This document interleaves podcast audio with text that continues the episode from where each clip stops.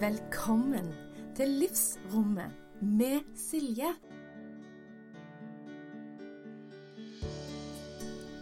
Velkommen til Livsrommet med Silje.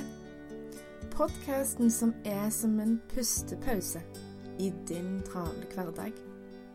Podkasten som har rom for hele deg og ditt liv. Som oftest får du bli kjent med fantastiske gjester her. Og innimellom er det, er det meg. Ja, for hvem er jeg? Jeg er en drømmer, en visjonær, ei dame som lever hjertestyrt og elsker å hjelpe. Min misjon er å gi deg alle verktøyene du trenger for å sette deg sjøl i førersetet i ditt liv. For det er ikke feil å prioritere seg sjøl. Det er nødvendig, og at det indre i deg teller mer enn det ytre. Velkommen til episode ti. Den samtalen du kommer nå til å få høre mellom meg og Andreas, den er veldig ekte og sårbar og eh, kanskje litt eh, blottleggende på sett og vis. Vi snakker om psykisk helse, eh, lockdown, korona. Vi snakker om hvor store omveltninger som har skjedd, og de basale behovene til oss mennesker. Vi snakker om eh, leve ut av frykt eller kjærlighet. Og eh, hvor ulikt det er rundt om i verden. Og så får du høre hva, hva som skjedde i vårt liv, i mitt liv, når Norge stengte ned. Og det skjedde under vårt tak. Som satte meg, eller oss, veldig ut av spill, men vi hentet oss fort tilbake og på en måte kom oss over det sjokket egentlig det først var. Så ha en god lytt. Først en, en liten reklamesnutt for, for Gnist.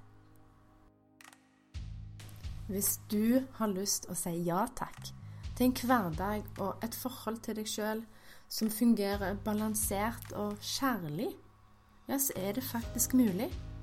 Jeg har snakka med så mange av så mange damer.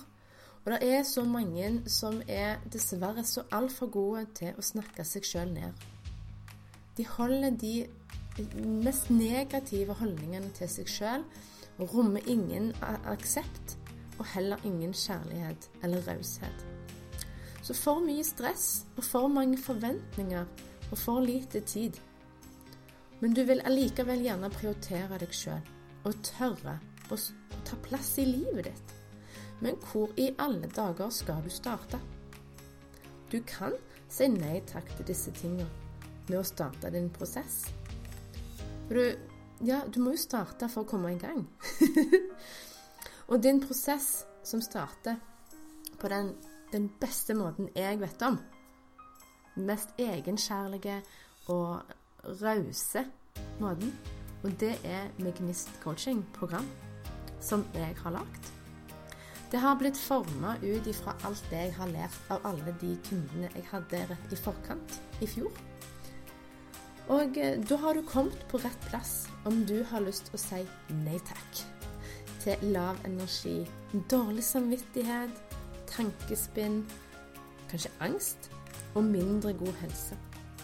For du er faktisk mer enn god nok akkurat sånn som du er. Og du trenger ikke gjøre deg mindre eller gjøre deg, ja, gjør deg annerledes for å prøve å passe inn i en fiktiv boks. For du er så mye mer. For suksessen gjentas i Gnist, og påmeldingen til runde tre, den er i gang. Kan du heller si ja takk til en hverdag som er så lyn og fin, som gjør at du faktisk ikke lengter etter ferie på samme måte som før. Og at forholdet til deg sjøl, er prega av positive følelser og aksept. Og at du tillater deg sjøl til å føle på følelsene og være til stede. Er du med på Gnist? Vil du være med, så ta kontakt. For påmeldingen er åpen kun fram til den 24. januar.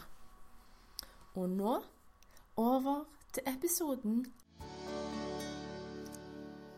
Hallo, Andreas. Hei, du. Hvordan eh, har du det? Jo, jeg har det egentlig ganske bra. Jeg sitter nå her og er i ferd med å runde av en liten eh, rar arbeidsuke.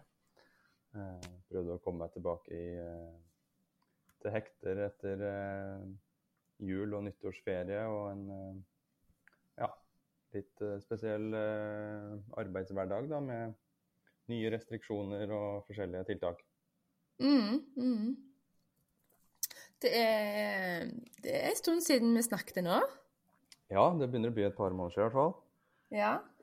Så jeg tenkte det, det måtte jo bare bli sånn at uh, du gjester gjesta igjen for tredje gang Eh, episode ti, sant? Én, fem og ti.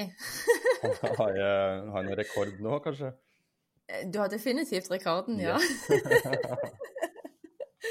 ja, det er bra. Så hadde du en, en fin jul, da, eller? Du, absolutt. Jeg fikk mulighet til å være hjemme med familie og har spist godt og sovet godt og ja, trent uh, litt regelmessig, gått noen skiturer og kobla av egentlig mye med bøker og brettspill og, ja, og sånne ting. da. Mm. Jeg tror ikke jeg hadde jeg tror det gikk ti dager uten at jeg hadde PC-en oppe. Det var faktisk uh, veldig nødvendig og, og godt. Mm, ja, det er Jeg òg tok jo juleferie i i år, skulle jeg til å si, men det er jo faktisk i fjor. ja, sant. Eh, da kjente jeg òg på det behovet å bare eh, Jeg avslutta det som på en måte måtte summeres opp, og bare tok ferie. Ja. Og jeg hadde ikke PC-en avskrudd i ti dager. Jeg hadde den i fem-seks dager. Eh, men det var likevel uvanlig til meg å være, med tanke på hvor mye jeg har jobba de siste ja, året eller månedene. Mm. Men det der å bare ikke legge ut noe på Instagram særlig, og bare på en måte vende fokuset innover, heller å bare kjenne etter og legge til rette for å føle på de små følelsene som ellers bare blir overdekt av, av alt annet. Mm, mm. Det er jo rett og slett helt, eh, helt nydelig jeg tror det er litt viktig at vi eh, har de der høytidene til akkurat det. Og jeg har liksom ofte sagt det når jeg blir spurt hva liksom jul eller påske og sånn betyr for meg. og jeg tror at i stor grad så betyr det at det er en uh, forutsigbarhet eh, om å få lov til å koble av. Mm. Eh, at det er et pusterom, et skikkelig rom for å puste ordentlig ut. da. Og lade mm. opp batterier med god samvittighet for det er jo noe med spesielt kanskje høsten da, som kan være litt tung og lang og mørk. Og um, i det hele tatt det å føle at liksom OK, jul, hva er egentlig ordet? Jo, det kommer fra jol, som egentlig i utgangspunktet betyr et, uh, en sirkel. Og det er jo det som er på en måte feiringa på sett og vis òg. At sola mm. snur, og vi, vi, har kommet oss over kneika, ikke sant. Så, ja, ja. Nå går det ut, i utforbakke på en måte, eller det, det lysner og blir lettere å, å leve, rett og slett. Mm, mm. Eh, jul, hva er det det må inneholde for deg? Ja, det er jo egentlig snø, da, syns jeg. Eh, ja. faktisk. Det er noe med det derre hvite eh, som pakker inn trær og hus og knirker under vintersko og Eh, følelsen av at den liksom har en uh, ise, kald, nådeløs, uh, men vakker uh, utside. Og en sånn god varme og komfort innendørs, da. Mm. Jeg er veldig glad i å ikke liksom bli for mye passiv eller inne, sitte inne for lenge, men ta meg turer ut og gå på gå på ski eller fotturer og, og den slags i, eh, i all slags vær. Da. Så, men eh, gjerne snø. Det må være snø, og helst eh, kanskje noe form for peis og bok og, og ja, litt serier og sånne ting. Mm. Jeg tror det som er på en måte absolutt must for meg, altså deilig julemat, er jo digg, det. De dagene. Ja. eh, og, eh, og gaver er hyggelig, å gå rundt juletreet er jo òg veldig hyggelig. Men Mm. eh, jeg tror det som er det som jeg kjenner gir meg mest med julen og ferien, Mm. det er at tiden går litt saktere. At Mm. man stopper mer opp og har mer samvær. Ja. Eh, og tilbringer mer Man går inn for å ha mer kvalitetstid. ja. Jeg har et spørsmål bare må spørre. Går du faktisk rundt juletreet? Vi gjorde det i Ja. ja. Ja. Men uh, i og med at vi, jeg har jo, eller vi har tre jenter, Mm. så medfører jo det mer gaver enn om vi skulle kun ha vært voksne. Ja. Så vi feirer hos mor og far, Mm. 100 meter fra dette huset. Og eh, vi måtte vente til gavene var pakka opp før vi gikk rundt juletreet. Ja. Eh, for det, men da gjorde vi det, ja. Og det, det ble sånn Disse her eh, litt mer moderne julesangene som går, er mer sånn pop og litt sånn oh, ja. Ja. eh, Ungene liker veldig godt en som heter Hey Ho. ja. Ja. Og da, da, da tar vi helt, helt av rundt juletreet, og vi er svette etterpå. ja. Er det, det er ikke sånn indisk uh, Hva heter filmen 'Slumdog Millionaire'? J-ho-dans, eller sånn? uh, nei, Nei. Det, eller det kan godt være. Det var masse greier. Men ungene konkluderte med at det var tidenes beste jul. ja.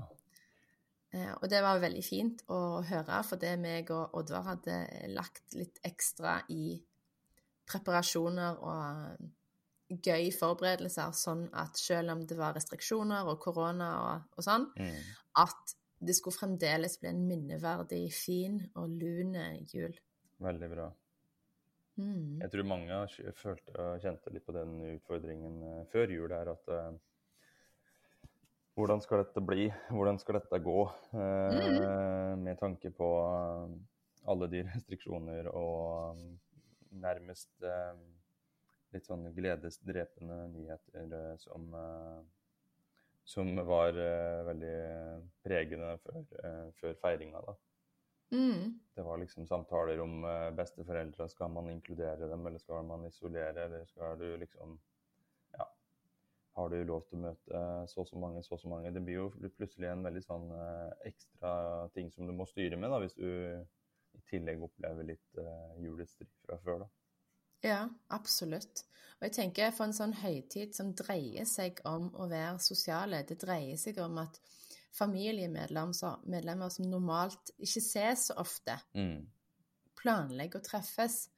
Og så kommer det så Altså, jeg skjønner restriksjonene, jeg skjønner hvor de kommer fra, og Erna og gjengen, de har sine eh, metoder og forhåndsregler å ta. Men for familier som har gjerne bare den ene gangen i året, den ene perioden i året hvor de treffes, Mm. eller gjerne utenom sommeren, da, men Ja. så ser jeg på det at det kan jo bli ganske fort veldig kjedelig og utrivelig når eh, man må nesten trekke kølapp for å komme inn til slektningene. ja. Ja, det er godt sagt. Så mm.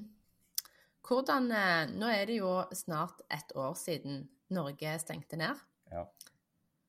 Og eh, hva, hva, hva tenker du nå når vi er på en måte vi er godt i gang med 2021, og, og da er det jo lett å se tilbake igjen til, til, til i fjor, Mm, ja, ja, ja. med, med alt som skjedde. Ja. Det første jeg vil trekke fram, er jo egentlig kanskje hvor uvitende vi var da, på det tidspunktet her i fjor.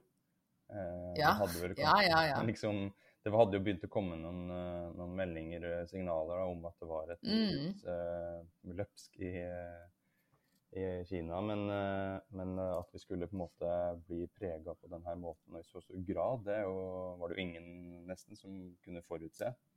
Nei. Eh, og så vil jeg poengtere det at eh, eh, i løpet av det året som har gått, så har jeg på en måte eh, gjort meg noen refleksjoner om eh, hvordan vi eh, blir ramma, eller på en måte blir påvirka av eh, forskjellige ting. Mm. Eh, og jeg husker eh, veldig godt at et av mine argumenter for å jobbe med, med kosthold og, og mat eh, med, med folk, er jo at eh, vi er alle mennesker, og alle mennesker må forholde seg til mat. Det, er Ja. liksom, det, liksom, det, det angår alle, uansett. Mm. Mm. Eh, mens kanskje trening eller, eh, eller eh, det å jobbe pusteøvelser altså det, er jo, det, er jo, det er jo kanskje litt mer sånn folk vil se på som uh, at du må ha litt interesse, da. Mens Mm. at det med å spise og sove, liksom, det, det må jo alle. Alle må forstå puste òg, men, men du skjønner hva jeg mener. Ja, ja, ja. Og nå, nå har jo på en måte den her, den her covid-pandemien blitt noe alle må forholde seg til. da. Mm. Mm. Eh, og jeg tror jo på sett og vis at det er veldig vanskelig for mange i det moderne samfunnet å eh, egentlig føle seg trygg på egne eh, tanker og refleksjoner. Eh, vi har på en måte blitt eh, opplært i lang tid til å følge strømmen, til å være en del av gjengen, til å være på en måte uniforme, passe inn, ikke skille oss ut eller gå i strid med noen, spesielt kanskje autoriteter og, og noen vi på en måte respekterer eller ser opp eh, til. da. Mm. Eh, Så det jeg savner litt nå, er kanskje det at vi ser på hele denne pandemien og, og det her viruset som eh, noe som påvirker oss forskjellig. Eh, Mhm. Ikke sant? Og det har vært Ja. Fokus på det ganske tidlig, at eh, vi blir forskjellig ramma. Noen blir veldig alvorlig syke og havner på sykehus med respirator og får eh, etterfølger i lang tid. Mm. Og andre har kanskje hatt viruset og vært i full vigør og jobb trent som normalt uten å merke nesten noen ting. Mm. Eh, og noen får en liten eh, en host og en fis, og så er det ferdig. ja. Så Mm. det er litt med Som vi har på en måte Jeg føler at både du og jeg har jo vi har jo møttes under en slags eh, felles eh, ideologi som går på det med, med, med kosthold og, og, og skikkelig mat. Og Mm. eh, har jo engasjert oss også i politisk sammenheng med tanke på å endre eller å forbedre eller myndighetenes kostholdsråd. Eh, men, Mm. men det er noe med det der òg, at det er skummelt å på en måte gi en form for uh, autoritet, da, en sånn instans da, som en regjering eller en uh, uh, helsemyndigheter, og gi dem muligheten til å skulle svare for alle. Og skulle på en måte generalisere en hel populasjon Mm. og si at alle skal spise så og så mange gram med egg, så og så mange gram med brød, så og så mange gram med kjøtt, så og så mange gram ikke sant, med gulrot. Mm. Det er noe som er litt skummelt med det, som, som jeg tror at vi to begge to kanskje har oppdaget gjennom å jobbe mer med, med folk. da, Én-til-én, Mm. individuell mm. veiledning. Mm. Jeg vet ikke hva du, tenker om det, men eh, Ja, jeg har definitivt noe å komme med her òg. for selv om det er en sånn universal ting at et virus spredde seg eh, over hele jorda, stort sett, og eh, noen rundt om i andre land, andre steder, enten det er mer u-land eller det er enda mer tett bebygd, så vil det jo stille seg annerledes om man får det, eller hvordan man får det, og ikke minst apparatet rundt det, og eventuelt forsikring eller Ja. sykehus og litt sånne ting. Men det òg jeg tenker ganske mye på, og det jeg velger aktivt å på en måte leve etter, og etterstrebe hver dag, det er vil jeg leve ut ifra frykt, eller vil jeg leve ut ifra kjærlighet? Mm. Hva energi vil man da sende ut? Og da egentlig òg få tilbake. Men hvordan liv har man det om man da går rundt og er redd for alt mulig? Mm, veldig bra sagt. Det jeg tenker på, er jo akkurat det der. Vil, du, vil jeg leve i frykt eller kjærlighet? Mm. Det er jo den som er så vanskelig akkurat nå. For at Mm. jeg kan jo sitte her og tenke ja, jeg er så så, så gammel, jeg har så, jeg har så så lite sykdommer underliggende, jeg har ikke hatt mm. noe astma eller noen lungesykdom, og jeg er relativt god kondisjon og, og sånne ting. Og da kan jeg gå fryktløs rundt i samfunnet ikke sant? og ikke tenke på at jeg skal eh, kanskje bli syk og dårlig eller dø av, eh, av eh, korona. Men så kommer det med kjærligheten inn. Og hvis jeg da ikke respekterer min neste persons ønsker, Mm. hvis jeg ikke respekterer at folk er forskjellige, og at det finnes noen som faktisk er syke, og som faktisk har underliggende svakheter eller tilstander, da, Mm. Mm. som, og som ikke har nødvendigvis det apparatet rundt seg, eller ikke har uh, eh, den innsikten eller forståelsen eller, uh, eller rett og slett støtten, så må jeg og, rett og slett da vise kjærlighet ved å gjøre de tingene som er nødvendige for at den personen skal føle seg trygg. Mm. Mm. Jeg er helt enig. Så det er akkurat det som er veldig fint. For noen vil jo nå tenke ja, men bare ingen frykt, bare gå rundt og gjør som du vil. og Mm. men det blir jo litt feil, det òg, for da Ja. anerkjenner du ikke den andres frykt. Mm. Og du anerkjenner ikke at vi er forskjellige og kommer fra forskjellige plasser. Mm. Og så tenker jeg òg Når man går på gata, og majoriteten har munnbind Og eh, jeg føler i mitt perspektiv så er det òg majoriteten som har, eh, ikke møter blikket, lite smil, eller mindre smil. Så jeg kjenner det at det gir meg glede å være, være litt sånn lys lyset i en mørk natt, på en måte, med at jeg smiler. Mm. Jeg velger å ha en trygg, eh, romslig energi. Mm. Eh, For jeg ser at de jeg møter i byen og, og rundt om, at det er Det er ikke like mange, mye smil lenger, nei. Nei. Du kan vel si at folk er ikke helt jorda. Mm. Folk har vel på en måte ikke den derre mai-følelsen når du liksom endelig kan kaste genseren og liksom bare lene deg tilbake på en, eh, på en krakk og bare kjenne sola varme litt i kinna og bare tenke ah, Ja. her er jeg. Mm. Mm. Det er veldig lite Ja. av det om dagen. Ja, iallfall nå på denne årstida, men Ja, vi får ja, se når, eh, når eh, det blir mer vår. Ja. Og så får vi se om eh, hvordan korona er da om eh, noen måneder, og Ja. hvordan restriksjonene er, og om det blir reising, om jeg skal komme på besøk til deg, ja, ja, ja. Eller motsatt. eller motsatt, ja.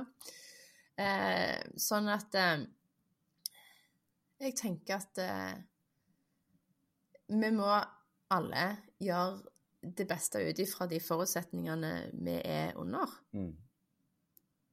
Hva tenker du? Jeg er helt enig, og som du øh, øh, sier her, det å på en måte nå heller omfavne det med et øh, litt annet fokus, på lik linje med å gå inn i en høytid, at du kan omfavne med å øh, rette fokuset litt innover, ta fram prosjekter eller aktiviteter, hobbyer, Mm. interesser som du har eh, på en måte kanskje gått og utsatt litt, eller aldri fått tid til, eller nedprioritert.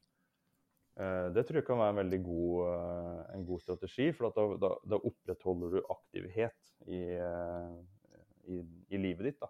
Mm. Så i stedet for å på en måte bli eh, ramma og passifisert, da, så opprettholder Mm. du en viss aktivitet, sjøl om du må ta noen eh, forutsetninger eller, eller begrensninger i, i, forhold til hva du har lov til å gjøre og ikke. da.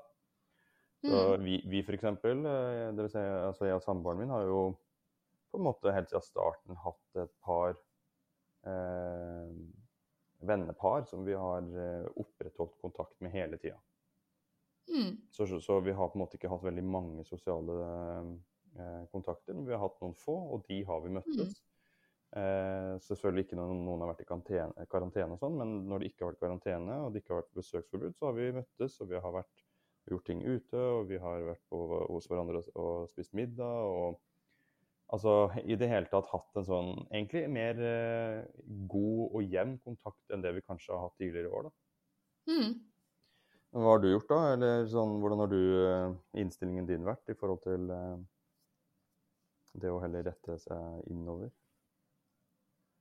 Ja, eh, ei uke før eh, Norge stengte ned, i mars var vel det, så oppdaga meg og min mann at eh, leietakeren vår hadde ødelagt leiligheten.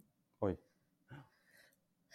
Eh, og jeg kjenner hjertet banke nå når jeg forteller om det.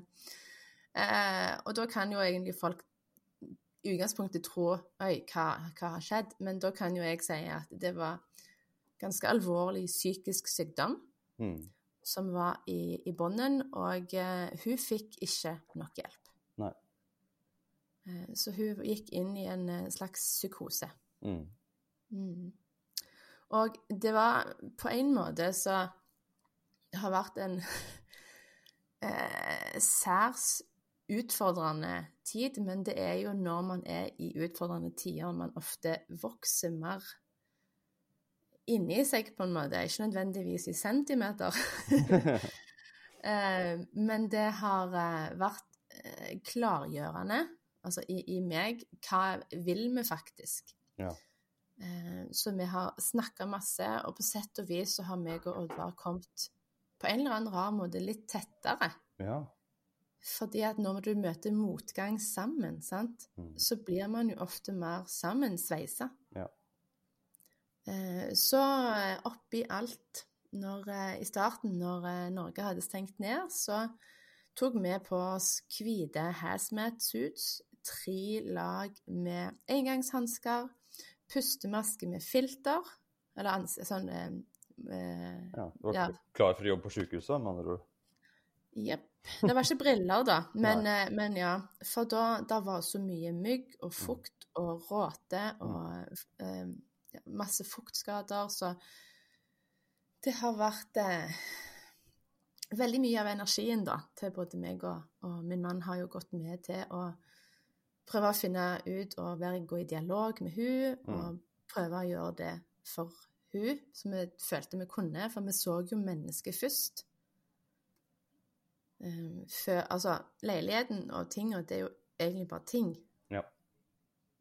Men, men uh, hun er jo et menneske som Mm. kommer fra en bakgrunn som er ikke så veldig OK. Ja. Um, så det har jo um, Så var, jeg kjente at det var den ruta, det er den veien jeg peila meg inn på med hun først. Og så skjedde det noe når det var et par uker før hun kunne faktisk flytte inn. Så tror jeg at hun kom inn i en ny slags psykose. Så da snudde hun helt om og mente at vi hadde ødelagt for hun. Ja. Eh, Så psykisk sykdom har jeg fått et helt nytt perspektiv på nå. Det er mye mer reelt. Før har jeg liksom ikke visst helt skikkelig hvordan det er, eller hvordan det arter seg, hvordan det kan se ut for pårørende. Mm. Eh, Men nå vet jeg jo veldig godt hvordan det kan se ut, da. Hva tenker du om eh, det der eksempelet der i forhold til eh, den psykiske helsa til eh, befolkningen i denne pandemien? Det, de sier jo det at krisetelefonene har aldri mer blitt nedringt. Nei.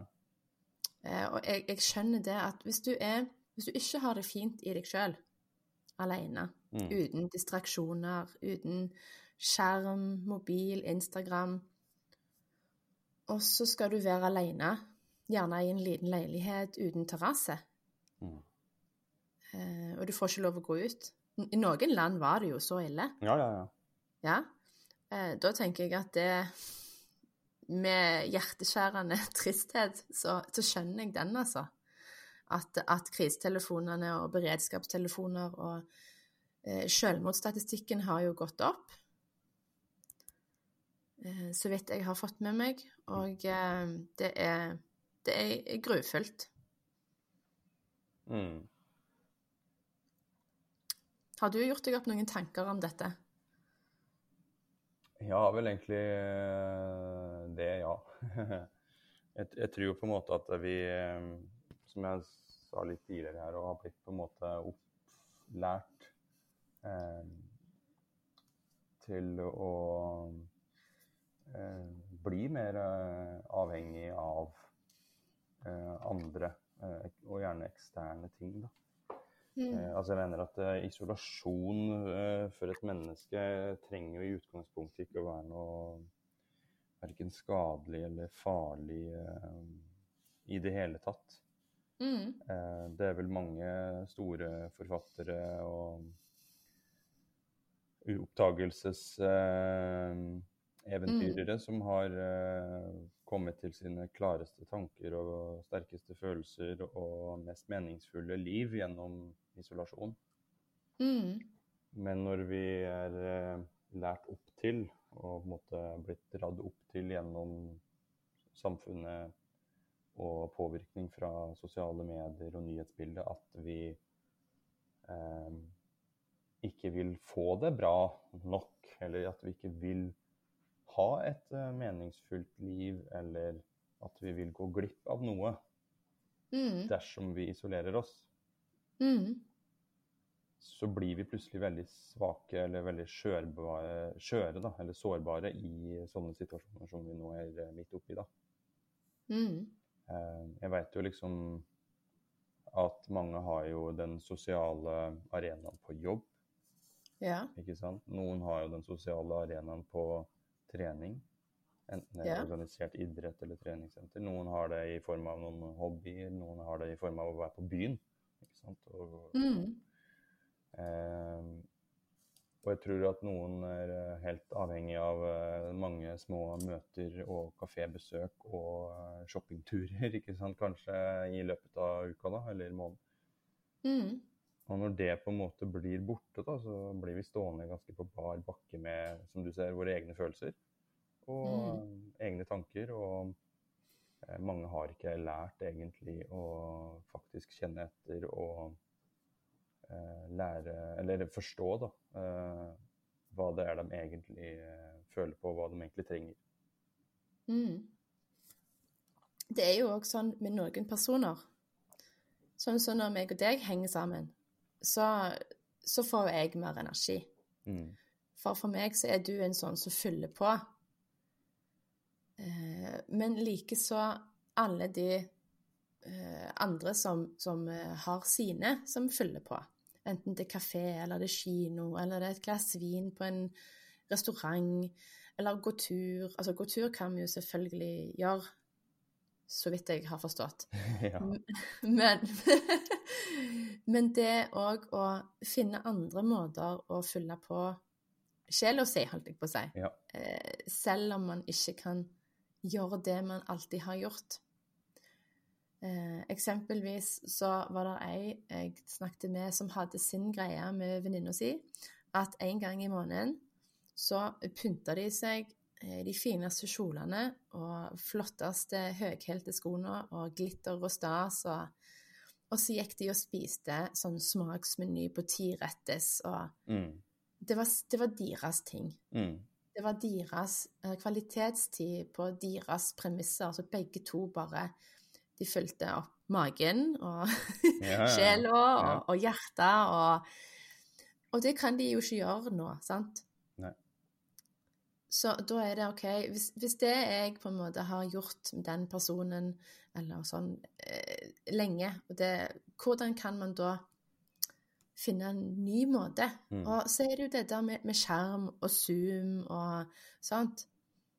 Og eh, de sier det jo på de som er lærere og, og, og, og skole og sånt, at det er jo ikke i nærheten av det samme. Nei. Eh, Folk skrur av skjermene sånn at de ikke er synlige engang. De går gjerne vekk fra PC-en. De følger ikke med. Og kroppsspråk Det er så mye man, kommunikasjon man mister Ja. med den her Zoom-opplegget. Eh, ja, ja, ja, ja. Det er noe med det medmenneskelige der som blir borte, da. Som eh, Mm. kanskje folk ikke er klar over at eh, påvirker dem i så stor grad. mm. Og jeg, og jeg tror på sett og vis at vi eh, de, de fleste da har jo på en måte en, eh, en, eh, et behov for å være til stede med den fysiske kroppen for å føle en kontakt. Ikke Mm. sant? Og jeg, og jeg, Mm. og jeg, tror at for noen så er jo sikkert dette her med skjerm og, og undervisning eh, og så møter eh, veldig behagelig. Noen digger det sikkert, ikke sant? At de kan Mm. skru av skjermen og kan gå fra på do når de vil, og at de ikke føler nødvendigvis at de har øyer i nakken overalt. Og, Mm. så, som, som kanskje noen vil føle er litt nesten mer eh, fengslende, ikke sant? Mm. Eh, mens for mange så er jo dette her med den kontakten som du sier, og det kroppsspråket og det, eh, det som oppstår mellom mennesker, som vi ikke nødvendigvis kan eh, påpeke liksom, eller skrive ned med, med ord, det, er- det er viktig, da. Mm. Eh, Mm. Men samtidig syns jeg det er viktig å huske på at vi er veldig flinke i å flykte. da. Så når det er noe eh, vanskelig som eh, dukker opp, så har vi en tendens til å heller ignorere det for kortvarig komfort.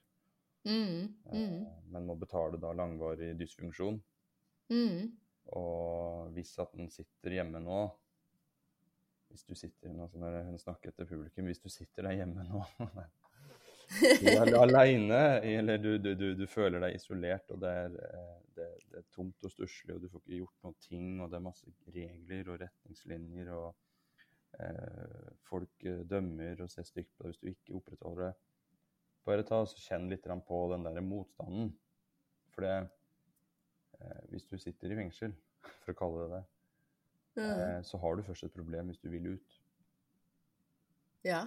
Sant? det var bra sagt. Hvis, hvis, du, hvis du ikke nødvendigvis stritter imot, men uh, aksepterer situasjonen, så blir det plutselig mindre ubehagelig å være i, i fengselet. Mm. Jeg likte, jeg likte analogien, men eh, fengsel det er jo ganske hardt ord. Ja, ja, ja. Nå skremte, nå skremte jeg kanskje mange. Ja, hjemmefengselet. Hjemmekontorfengselet, eller eh, ja. ja. Hjemmeskolefengsel. Nei, det ble helt feil. Sosial, eh, sosial isolasjon, da, i hvert fall. Ja, iallfall det. Men eh, hva godt kan komme ut av eh, korona og lockdown for din del? Ja, du kan jo kanskje begynne med at uh, Jeg tror kanskje det Jeg tror kanskje det er litt mindre forpliktelser totalt sett, altså. Altså, altså jeg mener litt mindre plasser jeg skal være på. Mm. Mm. Uh, at det er litt uh, mindre styr med arrangement som jeg enten skal delta på eller arrangere sjøl. Mm. Eh, og det er ikke at jeg vil være foruten, jeg vil jo helst kunne gå på arrangement og arrangere sjøl, men det er noe med at timeboka er veldig eh, åpen, altså. Det er Mm. ikke noe vanskelig å få til en uh, podkastinnspilling med Silje, eller eh, eller en, eh, en kveld med brettspill, eller eh, å se en film, en, en eh, eller lese bok. Altså det, det på en måte åpner seg opp litt sånne mye eh, tomrom, da, Mm. rett og slett. Mm. Men de tomrommene kan jo by på ting du ikke hadde tenkt på når du hadde det travlere. Absolutt. Mm. Og jeg, jeg tror òg at eh, det kanskje fineste som skjer innimellom, er at det, det tomrommet eh, påminner meg om at mange av de tinga jeg har tenkt at har vært så jævla viktig, da, eh, faktisk ikke Mhm. er så viktig. Mm. Eller at jeg har hatt noen ambisjoner som jeg nå kanskje i ettertid ser at ja, men eh, Er det så veldig eh, viktig at jeg gjør akkurat det der, eller får til det på den måten? Mm. Så det legger jo veldig sånn Det, det letter veldig mye sånn ambisjoner og prestasjon, da. Eh, Mm, og du, ja, blir- du blir jo plutselig litt mer opptatt av de der vanlige tinga som at du har at du har et sted å bo, at du har eh, kanskje noe mulighet for å varme opp eh, boplassen og noe vann og strøm og kanskje litt mat eh, i fryseren. Altså, du blir litt mer sånn Ja, vi har noe ved, da. Eller sånn. Ikke sant? Jeg har noe jeg har noe litt cheesemorning fortsatt, ikke sant? Det er litt sånn Jeg vet ikke, du blir litt sånn mer takknemlig for sånne litt mer eh, mindre og basale ting, da. Mm. Det var det jeg tenkte på når du snakket om det, at det vi vanligvis tar for gitt, da, når, når vi har den hektiske, innholdsrike hverdagen vår med springing, rekke buss eller trikk, eller Mm. levere i barnehagen, springe der, gjør det. Ja. Rekker vi da å stoppe opp og, og tenke på og, og kjenne takknemligheten for at vi har eh, tak over hodet, mat på bordet. Ja. Eh, ja, altså forhåpentligvis noen å dele deler av livet med, enten Ja. det er en venn på en SMS eller en felle eller partner. ja. En felle, ja. Det sa du. Ektefelle tenkte du på. Ja, det Ja, var jeg jo tenkte Ja. på fengselet nå. Nei da. Du, går, du gikk i fella. Pass deg for fella. ja, for noen kan gjerne det være sånn, men Ja, men du tenkte alle de flotte skilsmissene som eh, kommer til å Eller som har skjedd, som skal skje. Det Ja, det er jo òg et aspekt av det, ja. Å, Med det er så fantastisk. Det er vel uh, ingen tvil om at uh, covid-pandemien har vært en krise, uh, i hvert fall for mm. mange. Og i det kinesiske tegnet så er vel krise bestående av to deler. Det ene er fare, og det andre er mulighet. Å ja. Og jeg tror vel at Mm. eh, mange har vel opplevd eh, å gå inn i sånne eh, krisesituasjoner der ja, ektefelle, partner har vist seg å ikke være den rette, og at man skal ut fra den jobben, eller man skal bytte stilling, eller Mm. kanskje bolig, eller flytte på seg, eller ja, starte Ja. opp med noe helt annet, da. Så Ja, for nå Sorry. Mm. Nei, jeg sier bare at det er tid for å gi slipp, da. Yes. Det er òg tid for refleksjon. Yes. Og det er òg det man har når man har mer tid og mindre distraksjoner. Ja. Le, så kan man spørre seg selv er lever jeg det livet jeg faktisk vil leve. Ja. Og hva kan jeg da gjøre for å eh, justere det til den retningen jeg vil peile meg inn på? yes. Mm. Og dette der eh, med å reflektere og få tid, eller få tid til å reflektere over ting en kanskje ikke har gjort tidligere, det er noe jeg merker sjøl i forhold til Når jeg ser da forskjellige eh, land som har forskjellige regjeringer, som har forskjellige politiske Mm. styrer, som har forskjellige Mm. måter å kommunisere og forskjellige eh, sammensetninger av befolkninger, forskjellige sosiale rettigheter, så blir jeg da Mm. egentlig mer informert, eller jeg blir på en måte jeg får muligheten til å engasjere meg og eh, rett og slett eh, forstå bedre hvordan ting foregår i andre land og på andre deler av verden, som gjør at jeg eh, kanskje blir litt mer eh, forståelsesfull, da, ikke sant? Mm. Jeg tenker spesielt på, på USA, hvor det liksom Helt siden jeg var liten gutt, så har det jo liksom vært eh, det store landet der alt kan skje. Der det liksom, mm. det er kjendiser, og det er store stjerner, og det er muligheter for alt mulig. Og det, liksom, det tilbudet og eventyrets land, da.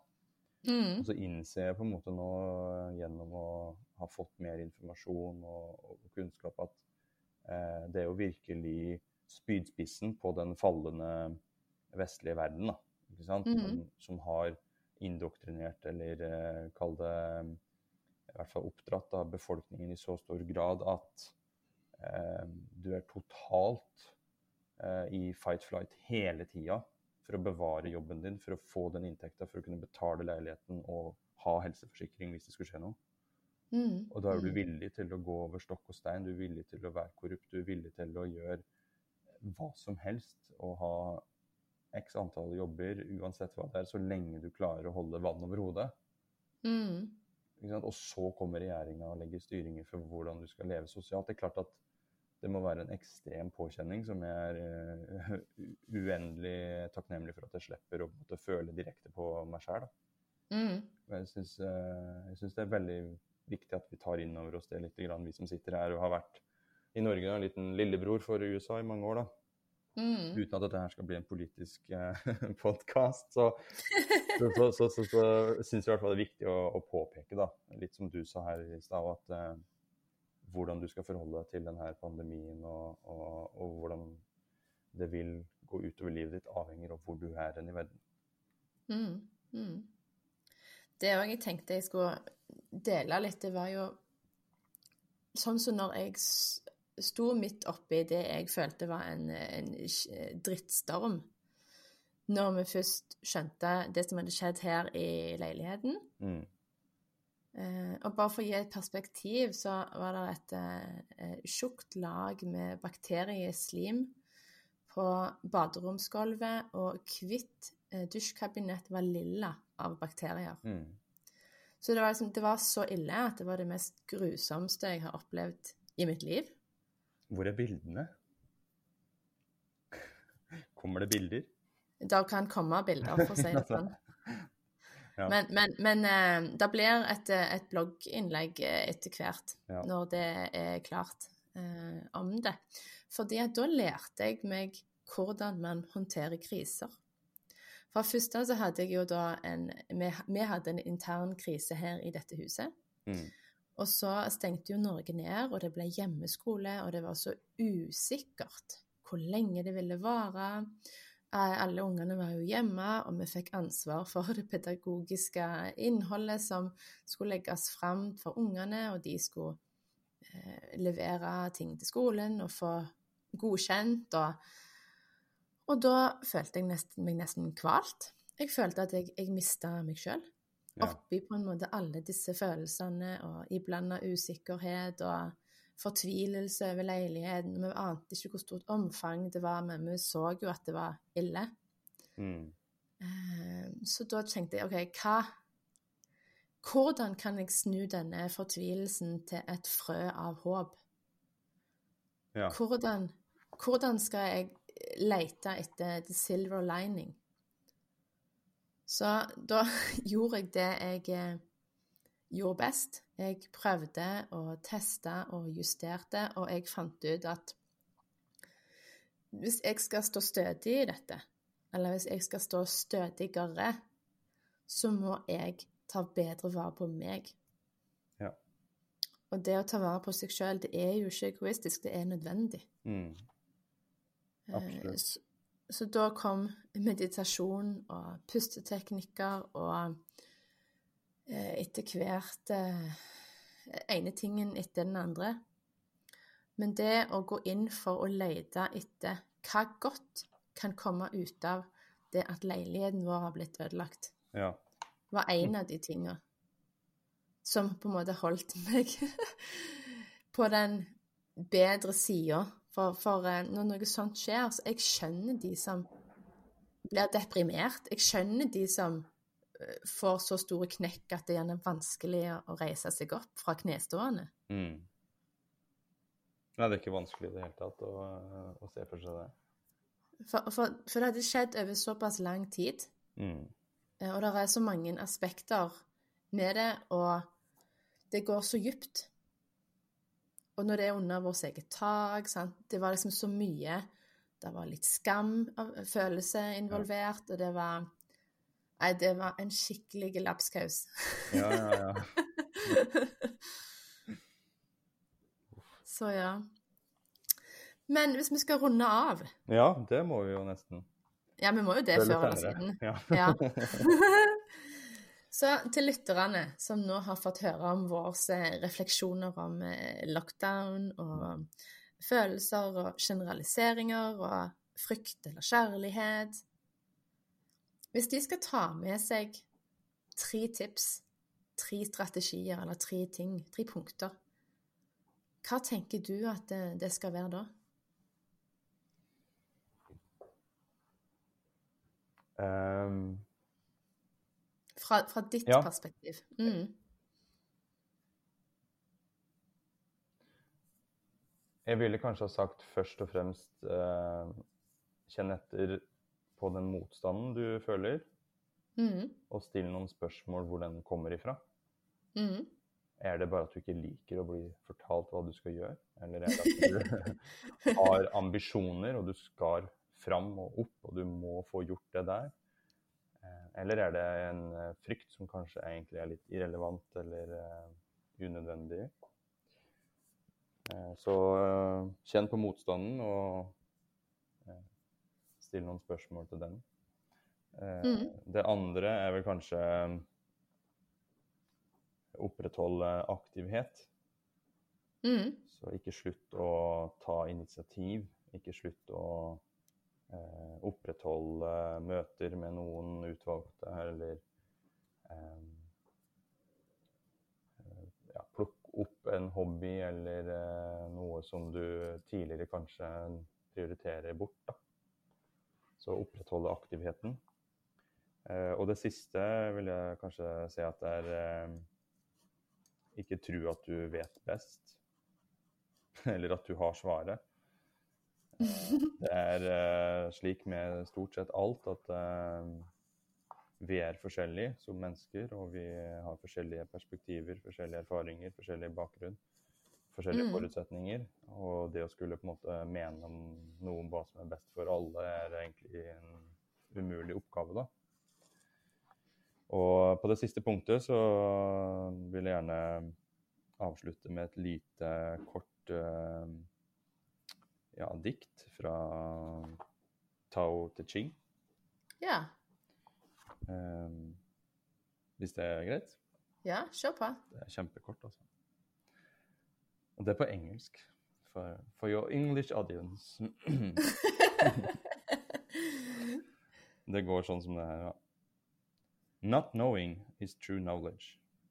Presuming to know is a disease. First, realize that you are sick. Then you can move toward health. Mhm.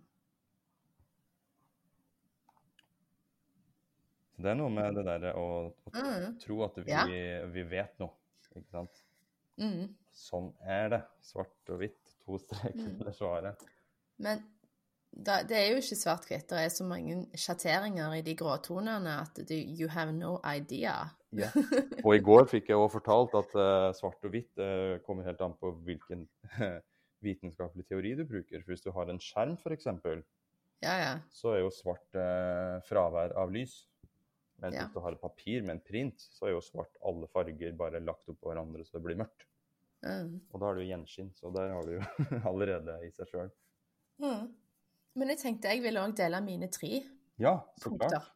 Uh, uh, jeg tenker det at Det å Har du andre enn meg, altså? Ja, faktisk. Jeg trodde vi var så likesinnede. ja, vi Ja, vi er for så vidt veldig like, men eh, litt annet perspektiv. Ja. Jeg tenker det første det må være å eh, tørre å føle på alle følelser. Våge å på en måte bevege seg inn i det territoriet, men legge rammene og forholdene til rette rundt det, sånn at det blir på en måte en kjærlig inngangsport. Ja. Eh, ikke fordi at du skal straffe deg sjøl eller eh, marinere deg i skyldfølelse, men rett og slett for du skal bearbeide de, og da må du gå gjennom de for å komme ut på andre sida. Mm. Um, og så vil jeg si nummer to er Finn ut hva som eh, fyller på ditt hjerte og din sjel, og gjør mer av det. Og det tredje, da kan jo jeg slenge ut mitt favorittsitat, siden du Oi. hadde et dikt. Ja. Det er av Rumi. Oh, ja, ja, ja. Eh, ja. Og det er òg på engelsk. Og det er eh, Live life as it is was rigged in your favor. Mm. Og det Jeg bare elsker det. Veldig bra. For det at hvis vi tenker at livet er jobber imot oss sant? Det handler jo om perspektiv. Ja. Eller er livet med, jobber det for Med oss? det, Ja, ja, ja, ja. Så yes. Det har, eh, det har eh, veldig, veldig likhetstrekk med Arne Næss, fjellklatrer og filosof, har sagt det lignende om enkelte fjell. Mm. Det er noen fjell som er så gode å klatre på, ruta er intuitiv og viser seg sjøl for deg som klar eh, strek, ikke sant. Og da sier han at da jobber fjellet med deg. Ja. Det er de beste fjellene å klatre på, ifølge han. ja. Jeg har ikke klatra på så mange fjell, men Nei, eh, ikke heller. Men jeg er tilbøyelig til å prøve. ja, så lenge det jobber med deg. Ja, ja, ja. Men du, Andreas, eh, tusen takk for en atter fantastisk prat. Tusen takk for at jeg fikk lov å prate med deg i dag. Å, så hyggelig. Ja. Du, eh, nyt resten av fredagen og helga. Takk i like måte. Ta vare på den koselige familien din. Jo, takk, og ta vare på din samboer. Takk.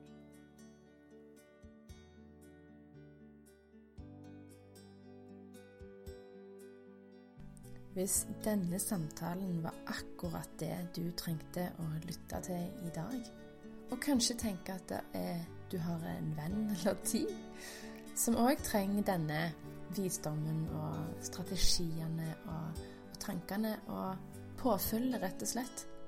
Så ta screenshot og del på Instagram. Tagg gjerne både meg og Andreas. Andreas.donasen. Og eh, send til de du tenker òg trenger det løftet opp. For det vi trenger ikke bare leve ut ifra frykt. Selv om det er mye som skjer i verden og kaos, så kan vi sjøl velge å være det lyset blant ja, et mørkt rom. Varm klem fra meg til deg.